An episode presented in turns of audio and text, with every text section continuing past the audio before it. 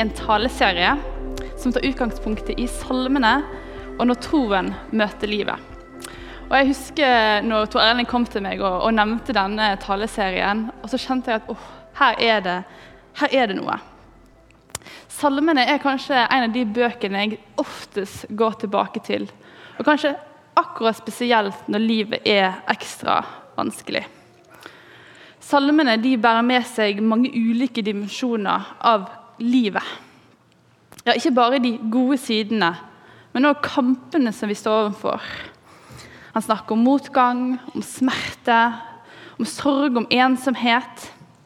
Men så snakker han òg om lovprisning, om tilbedelse og om proklamasjon av hvem Gud faktisk er. Og som Erling nevnte i dag, så hadde jeg lyst til å dele litt av min troshistorie og se litt hva salmene har betydd for meg akkurat når livet var ekstra vanskelig. Jeg bare begynner med en kort bønn.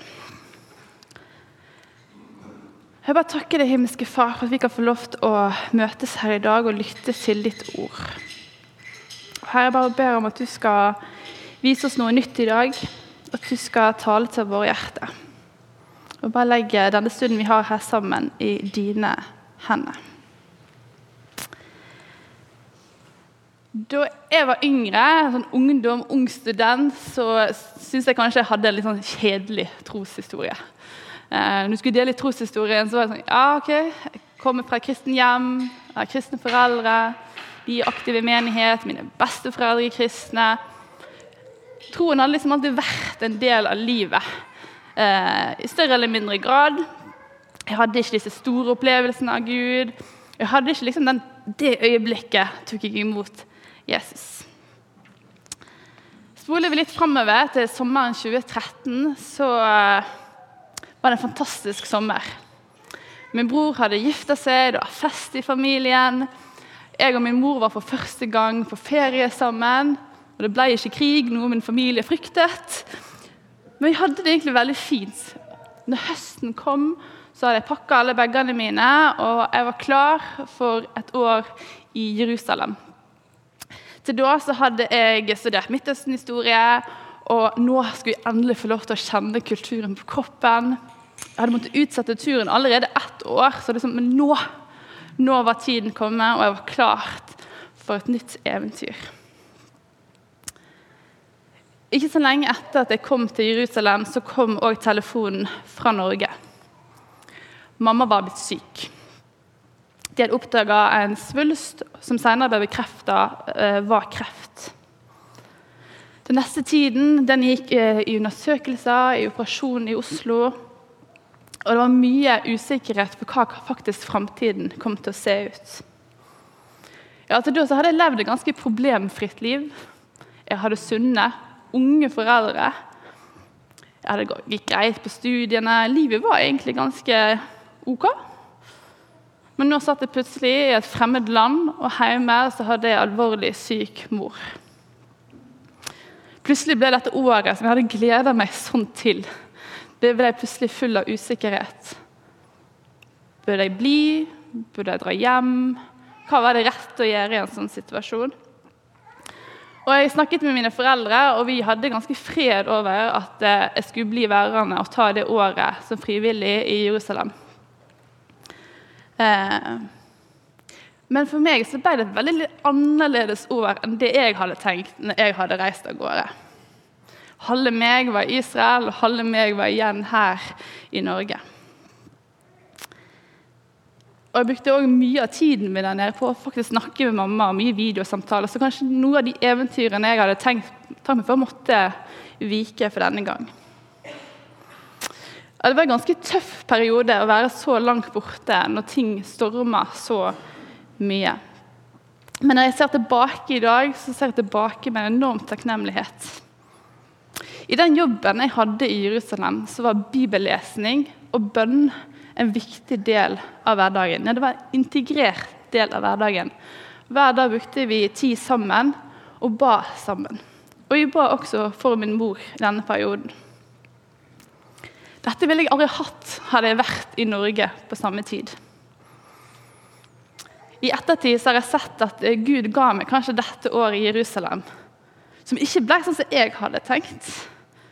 Men han ga meg et år der jeg fikk samle krefter og utruste meg åndelig til det trykket som kom når jeg kom hjem igjen. Sommeren 2014 så kom jeg hjem og tilbake til studiene. Jeg begynte å pendle mellom leiligheten min her i byen, gården uten i Nordhordland og Haukeland. Når jeg hadde muligheten, så tok jeg gjerne med meg maskinen min og satt oppe sammen med min mor og, og jobbet derifra. Det var en spesiell tid der mye skjedde, og det var mye usikkerhet. Og på et tidspunkt så jeg låste kneet til min far seg. og På 26-årsdagen min så var min mor innlagt. Jeg måtte kjøre min far til operasjon, så vi måtte feire bursdagen oppe på sykehuset. Det er ganske vanskelig å beskrive hva følelsene sitter med i sånne situasjoner. Og Hadde du spurt min far og min bror, så hadde de sin historie å fortelle. Men for meg så var det mye var veldig mye sliten, både fysisk og mentalt. Det å prøve å sjonglere studier med familie som er hjemme. Og kanskje store deler av livet ble satt på pause når du ikke helt vet hvordan framtiden vil se ut. Og For de som kjenner meg, så vet de at jeg er en person som elsker kontroll. Jeg liker å planlegge ting. Ser jeg et problem, så vil jeg fikse det. For første gang i mitt liv så hadde jeg mista all kontroll. Det var ingenting jeg kunne gjøre for å gjøre min mor frisk. Det eneste jeg kunne gjøre, var å være til stede og vente. Og så var det en opplevelse av maktesløshet. Men samtidig så var det kanskje akkurat fordi når jeg mistet all kontrollen, så erfarte jeg at det var bare én plass jeg kunne gå. Og det var til Gud. Og Til da så hadde jeg hatt en relasjon til Gud, men plutselig så hadde jeg en avhengighet til Gud. Og det ble mange samtaler. Og kanskje når jeg var sliten til ikke be sjøl, så ble det kanskje mer et hjertesukk. Gud, hva nå? Jeg trenger din hjelp. Dette greier jeg ikke alene. Det var mange som ba for min mor. Hjemme så holdt de bønnemøte, og på en av disse bønnemøtene så fikk noen av de et ord til mamma. Og det var Salme 23. Skal vi se om vi finner den her igjen. Salme 23. Og jeg vet ikke med deg, men til dette tidspunktet, når jeg tenkte på Salme 23, så tenkte jeg litt sånn som dette her. Skal vi se. Sterke farger, mye grønt, gjerne litt sånn tegneserie. og sånn, Litt sånn feel good oppmuntring. Gjerne sånn kors som du ga for for å ja, oppmuntre folk. Har sett mye barnebøker som er gitt ut av Salme 23. Men når mamma fikk denne salmen, så var det én ting hun spesielt la merke til. Om jeg enn skulle vandre i dødsskyggens dal På dette tidspunktet så visste vi at eh, mamma hadde uhelbredelig kreft. Men min bestefar hadde allerede levd ti år med kreft. Ikke visste vi hvor lenge, lang tid vi hadde, og prognosene var ganske usikre på akkurat det. Vi trodde òg på mirakler og helbredelse, og det var mange som ba.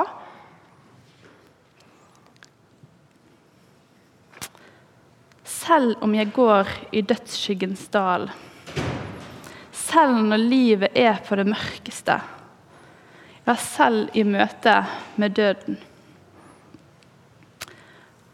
Troen på Jesus gir ingen garanti for et smertefritt liv eller et liv uten motgang. Og Her i Norge så er vi kanskje ekstremt privilegerte på at vi kan kontrollere så utrolig mye. Men til og med her så vil vi møte ulike grader av motgang og mørke perioder. Så kanskje den, den, den muligheten til kontroll er kanskje heller mer enn krykke. Og så kan vi lett spørre hvorfor meg? Hvorfor må jeg gå gjennom dette? Gud er jo på min side. Hvor er Gud nå? Hva er gjort for å fortjene dette. Jeg husker at mamma sa på et tidspunkt Hvorfor ikke oss? Vi har levd et ganske enkelt liv så langt. Hvorfor ikke oss? Hvorfor skal ikke vi oppleve dette? Hva tanker har vi om livet som kristne?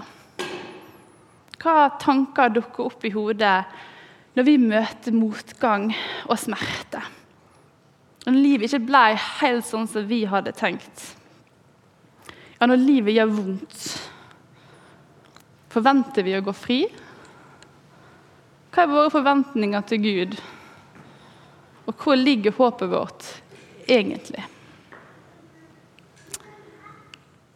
I teksten står det om jeg vandrer i dødsskyggens dal, frykter jeg ikke noe ondt.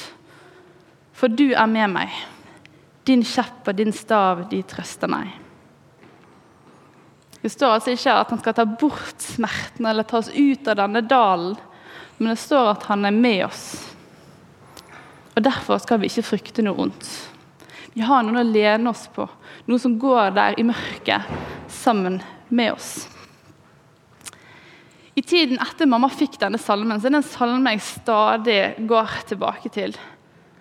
Og så har det kanskje gått fra å være en sånn feel good-tekst til heller være en hjelp når livet er vanskelig. Salme 23 ble skrevet av David, en av Bibelens store troshelter. En mann etter Guds hjerte. Men Davids liv var ikke et enkelt liv. Vi møter David først som hyrde, der han også blir lovet til å bli den store kongen i Israel. Men så må han flykte og leve et liv på flukt, med mye farer det det medbringer. David blir til slutt krona til konge, men selv ikke da var livet perfekt. Chris snakka eh, i forrige tale om akkurat en av Davids store feiltrinn og den skammen han bar på. Ja, Salmene til David de reflekterer et levd liv i møte med smerte, lidelse, men òg sine egne feiltrinn. Samtidig reflekterer det òg en erfaring av at Gud er med, midt i prøvelser, og viser hvordan Gud nei, viser hvordan David søkte styrke hos Herren sin Gud, som det står i Samuel, 1. Samuel 36. Og Vi skal se litt på Salme 23 og noen av de tingene som har rørt meg med denne salmen. Herren er min hyrde, jeg mangler ikke noe. Han lar meg ligge i grønne enger, han leder meg til vann der jeg finner hvile. Fantastisk flotte ord. Jeg tenker Det er ganske lett å lese disse ordene når livet smiler. Men hva får det oss til å føle når livet er mørkere? Ja, Kanskje når vi kjenner på at vi kanskje mangler noe. Når vi er trøtte og slitne. Det er kanskje derfor jeg har vendt litt tilbake og måtte kjempe litt med den teksten. For hva er det egentlig David prøver å si til oss? Jeg mangler ingen. Jeg mangler ikke noe, står det. Vi lever i en tid der vi kanskje har store forventninger til hva et liv skal se ut, eller hva et bra liv er. Du skal ta utdanning, du skal finne deg jobb, du skal finne deg en partner, du skal få et barn, du skal ha hus, du skal ha hytte, du skal ha bil. Listen er lang over hva vi føler at vi trenger. Vi har gjerne forventninger. Ja, Av og til har vi kanskje også krav på hva vi trenger. Og Videre i teksten så står det Han lar meg ligge i grønne enger. Ja, det høres jo himla fantastisk ut. Når jeg først leste dette, så så jeg for meg noe sånn som dette. Frodig, grønt, så langt du kan se, gjerne høyt gress overflod. Sant? Jeg mangler ingenting. Men var det egentlig dette David så for seg? Jeg vet ikke om du har vært i Israel, men for de som har vært der, det er ikke dette bildet vi møter oss når vi ser de plassene som gjerne hyrdene gikk på den tiden. Nei, så ser det kanskje litt mer sånn ut. Det er gjerne små flekker med gress spredd utover. I tørketiden er det lenger mellom grassene. Når det har vært regntid, så er det kanskje litt tettere mellom det. Og så er det ikke på flatmarken sauene går. Nei, de går opp i skråningene.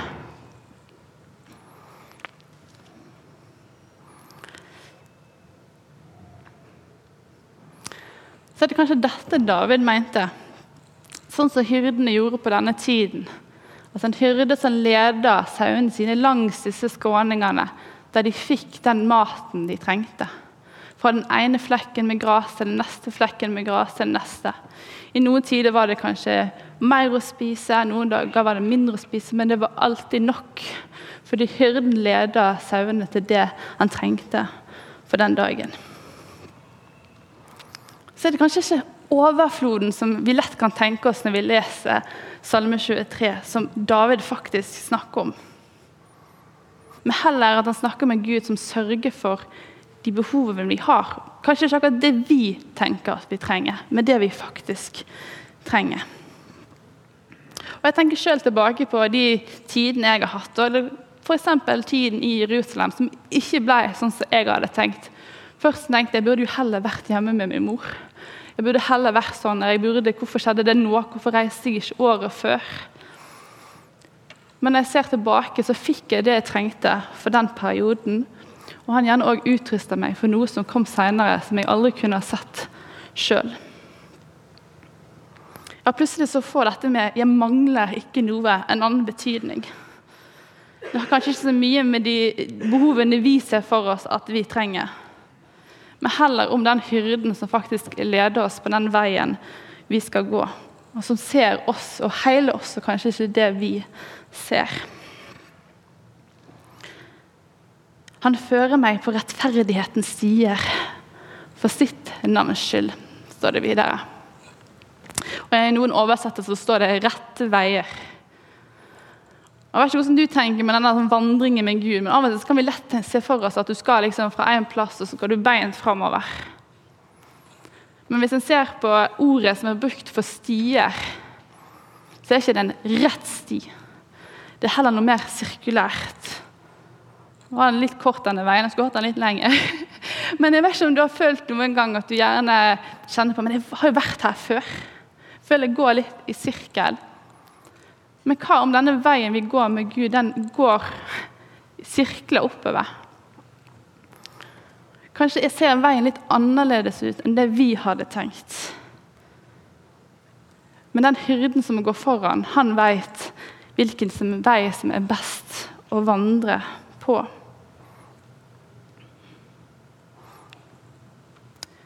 Om jeg igjen skulle vandre i dødsskyggens dal, frykter jeg ikke noe ondt for du er med meg. Din kjepp og din stav, de trøster meg. Du dekker bord for meg, like for mine fiender. Du salver mitt hode med olje. Mitt beger renner over.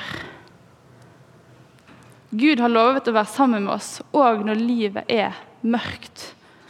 Når vi står overfor prøvelser, ja, når truende fiender, når fiendene truer, så har han sagt at han er like ved siden av oss.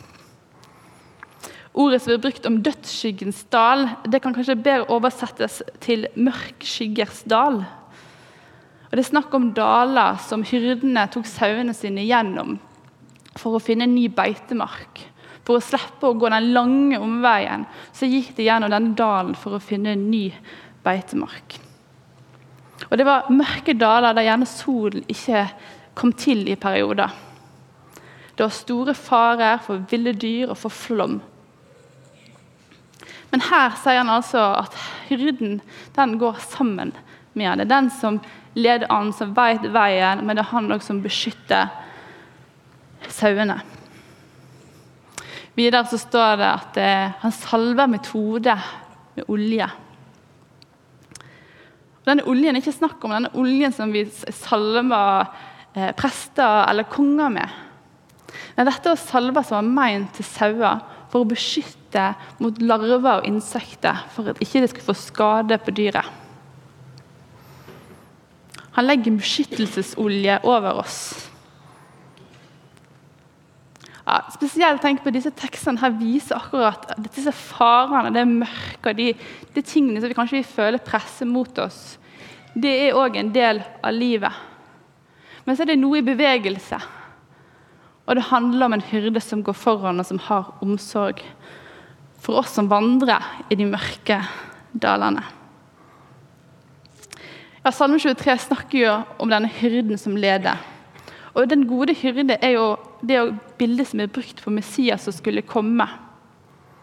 I Johannes 10,10 10, så sier Jesus 'Jeg er den gode hyrde'. Den gode hyrde gir sitt liv for sauene.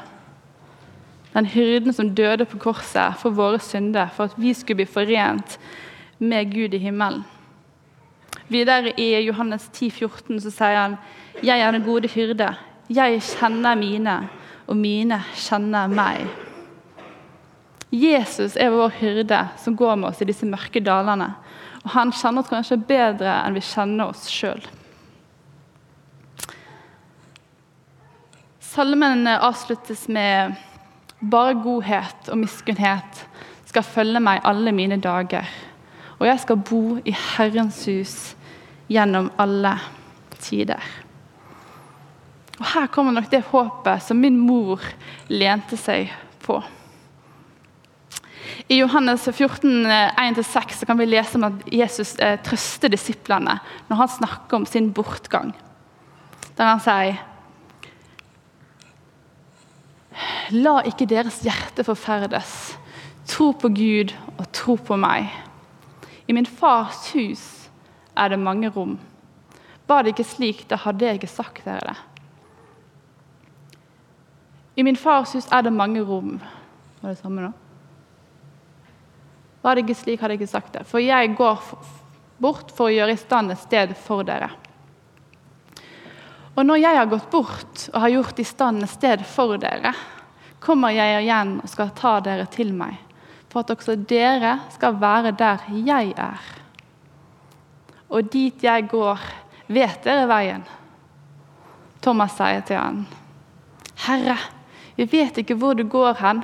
Hvordan kan vi da vite veien? Jesus sier til han, Jeg er veien, sannheten og livet. Ingen kommer til Faderen uten ved meg. Igjen Her ser vi mye av det som står i Salme 23. Jesus snakker om et sted han gjør i stand for alle de som tror på ham.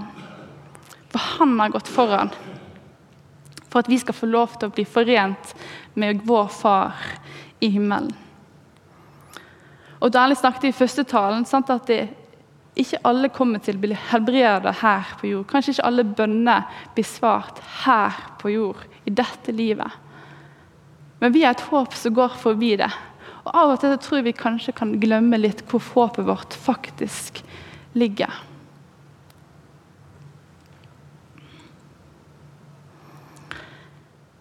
Jesus sier han er veien. Han er den vi skal, er kalt til å følge. Det er han som leder oss til det evige liv. Veien kan se annerledes enn det vi hadde tenkt. Vi får kanskje andre ting enn det vi hadde forestilt oss. Men han har lovt at han er med i alle deler av våre liv. Og han er den som leder oss an. Når jeg leser salmene i dag fremfor for ti år siden, før mamma ble syk, så er det akkurat på de, spesielt på de mørke dagene at jeg virkelig kan finne trøst i mye av det som står i salmene. På den ene siden så kan jeg utøse min smerte og det frustrasjonen og alt det som ligger der. Jeg tenker Når de kan si det på den tiden, og Gud var åpen for det, så kan jeg òg komme med det jeg bærer, om det er stort eller lite.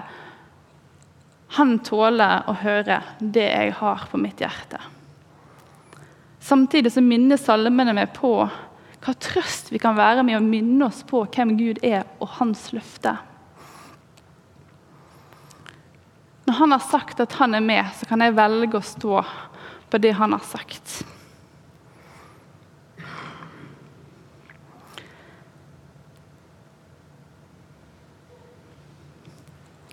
Og så minner det på at det er ikke jeg som skal ha kontroll.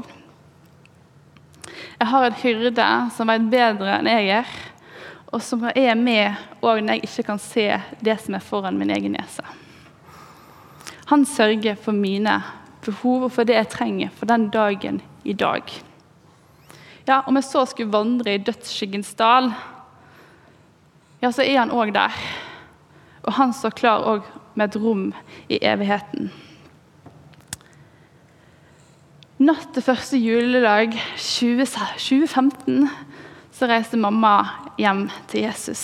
Bare seks måneder etter min bestefar. Begge så ba de en enorm fred og en trygghet i troen helt til det siste. Og Jeg tror det er akkurat derfor disse to har blitt noen av mine store troshelter. Det var ikke det store mirakelet som vi kanskje av og til glemmer, men det var en trygghet helt til det siste. Og Jeg husker det ble fortalt at når mamma var på sykehuset, så var det en fred over det rommet som hun var på. Jeg tror det livet hun levde helt til det siste, og kanskje spesielt i sykdomsperioden, var et vitne for de som så henne både på sykehuset, men òg til resten av familie og venner og de som var rundt. Ja, Deres møte med døden var kanskje det som vitner om at vi tror på noe større, og vi har et håp i evigheten. Og Jeg husker fremdeles tilbake på begravelsen deres, som absolutt var fullt av sorg og smerte. Men det var òg en gledesfest til den dagen vi skulle møtes igjen.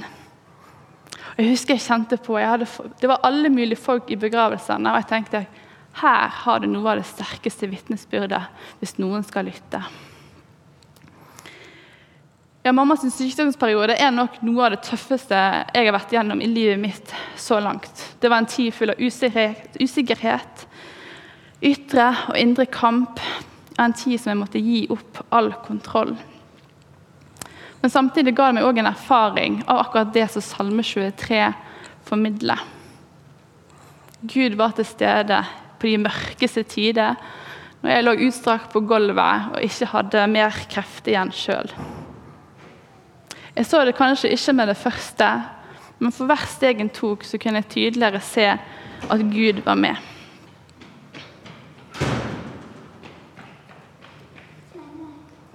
Ja, selv om vi ikke opplever det sånn, så kunne jeg lene meg tilbake på de løftene som står i Bibelen. Og Det er kanskje det som er så fantastisk med salmene. Det kan sette ord på ting vi ikke greier å sette ord på sjøl. Og hjelpe oss til å løfte blikket på hvem Gud er, som er konstant. Så hvorfor står jeg her og deler min historie? Jeg tror at med å dele våre erfaringer med Gud, ærlig, åpent, transparent, at vi òg kan få se litt mer av hvem Gud er tror at det å dele våre erfaringer med Gud er med for å oppmuntre hverandre. Og kanskje kan det gi oss frimodighet til å være litt mer ærlig på livet og dele noe mer enn solskinnshistorier. Ja, både ærlig med hverandre, men òg ærlig med Gud. Han tåler vår sorg, vår smerte, vår sinne, vår frustrasjon, vår angst, vår ensomhet. Og så har vi fått en enorm frihet i at vi ikke trenger å kjempe våre kamper. Men vi kan la oss få lede av Han som har sagt at han er vår hyrde og forsørger.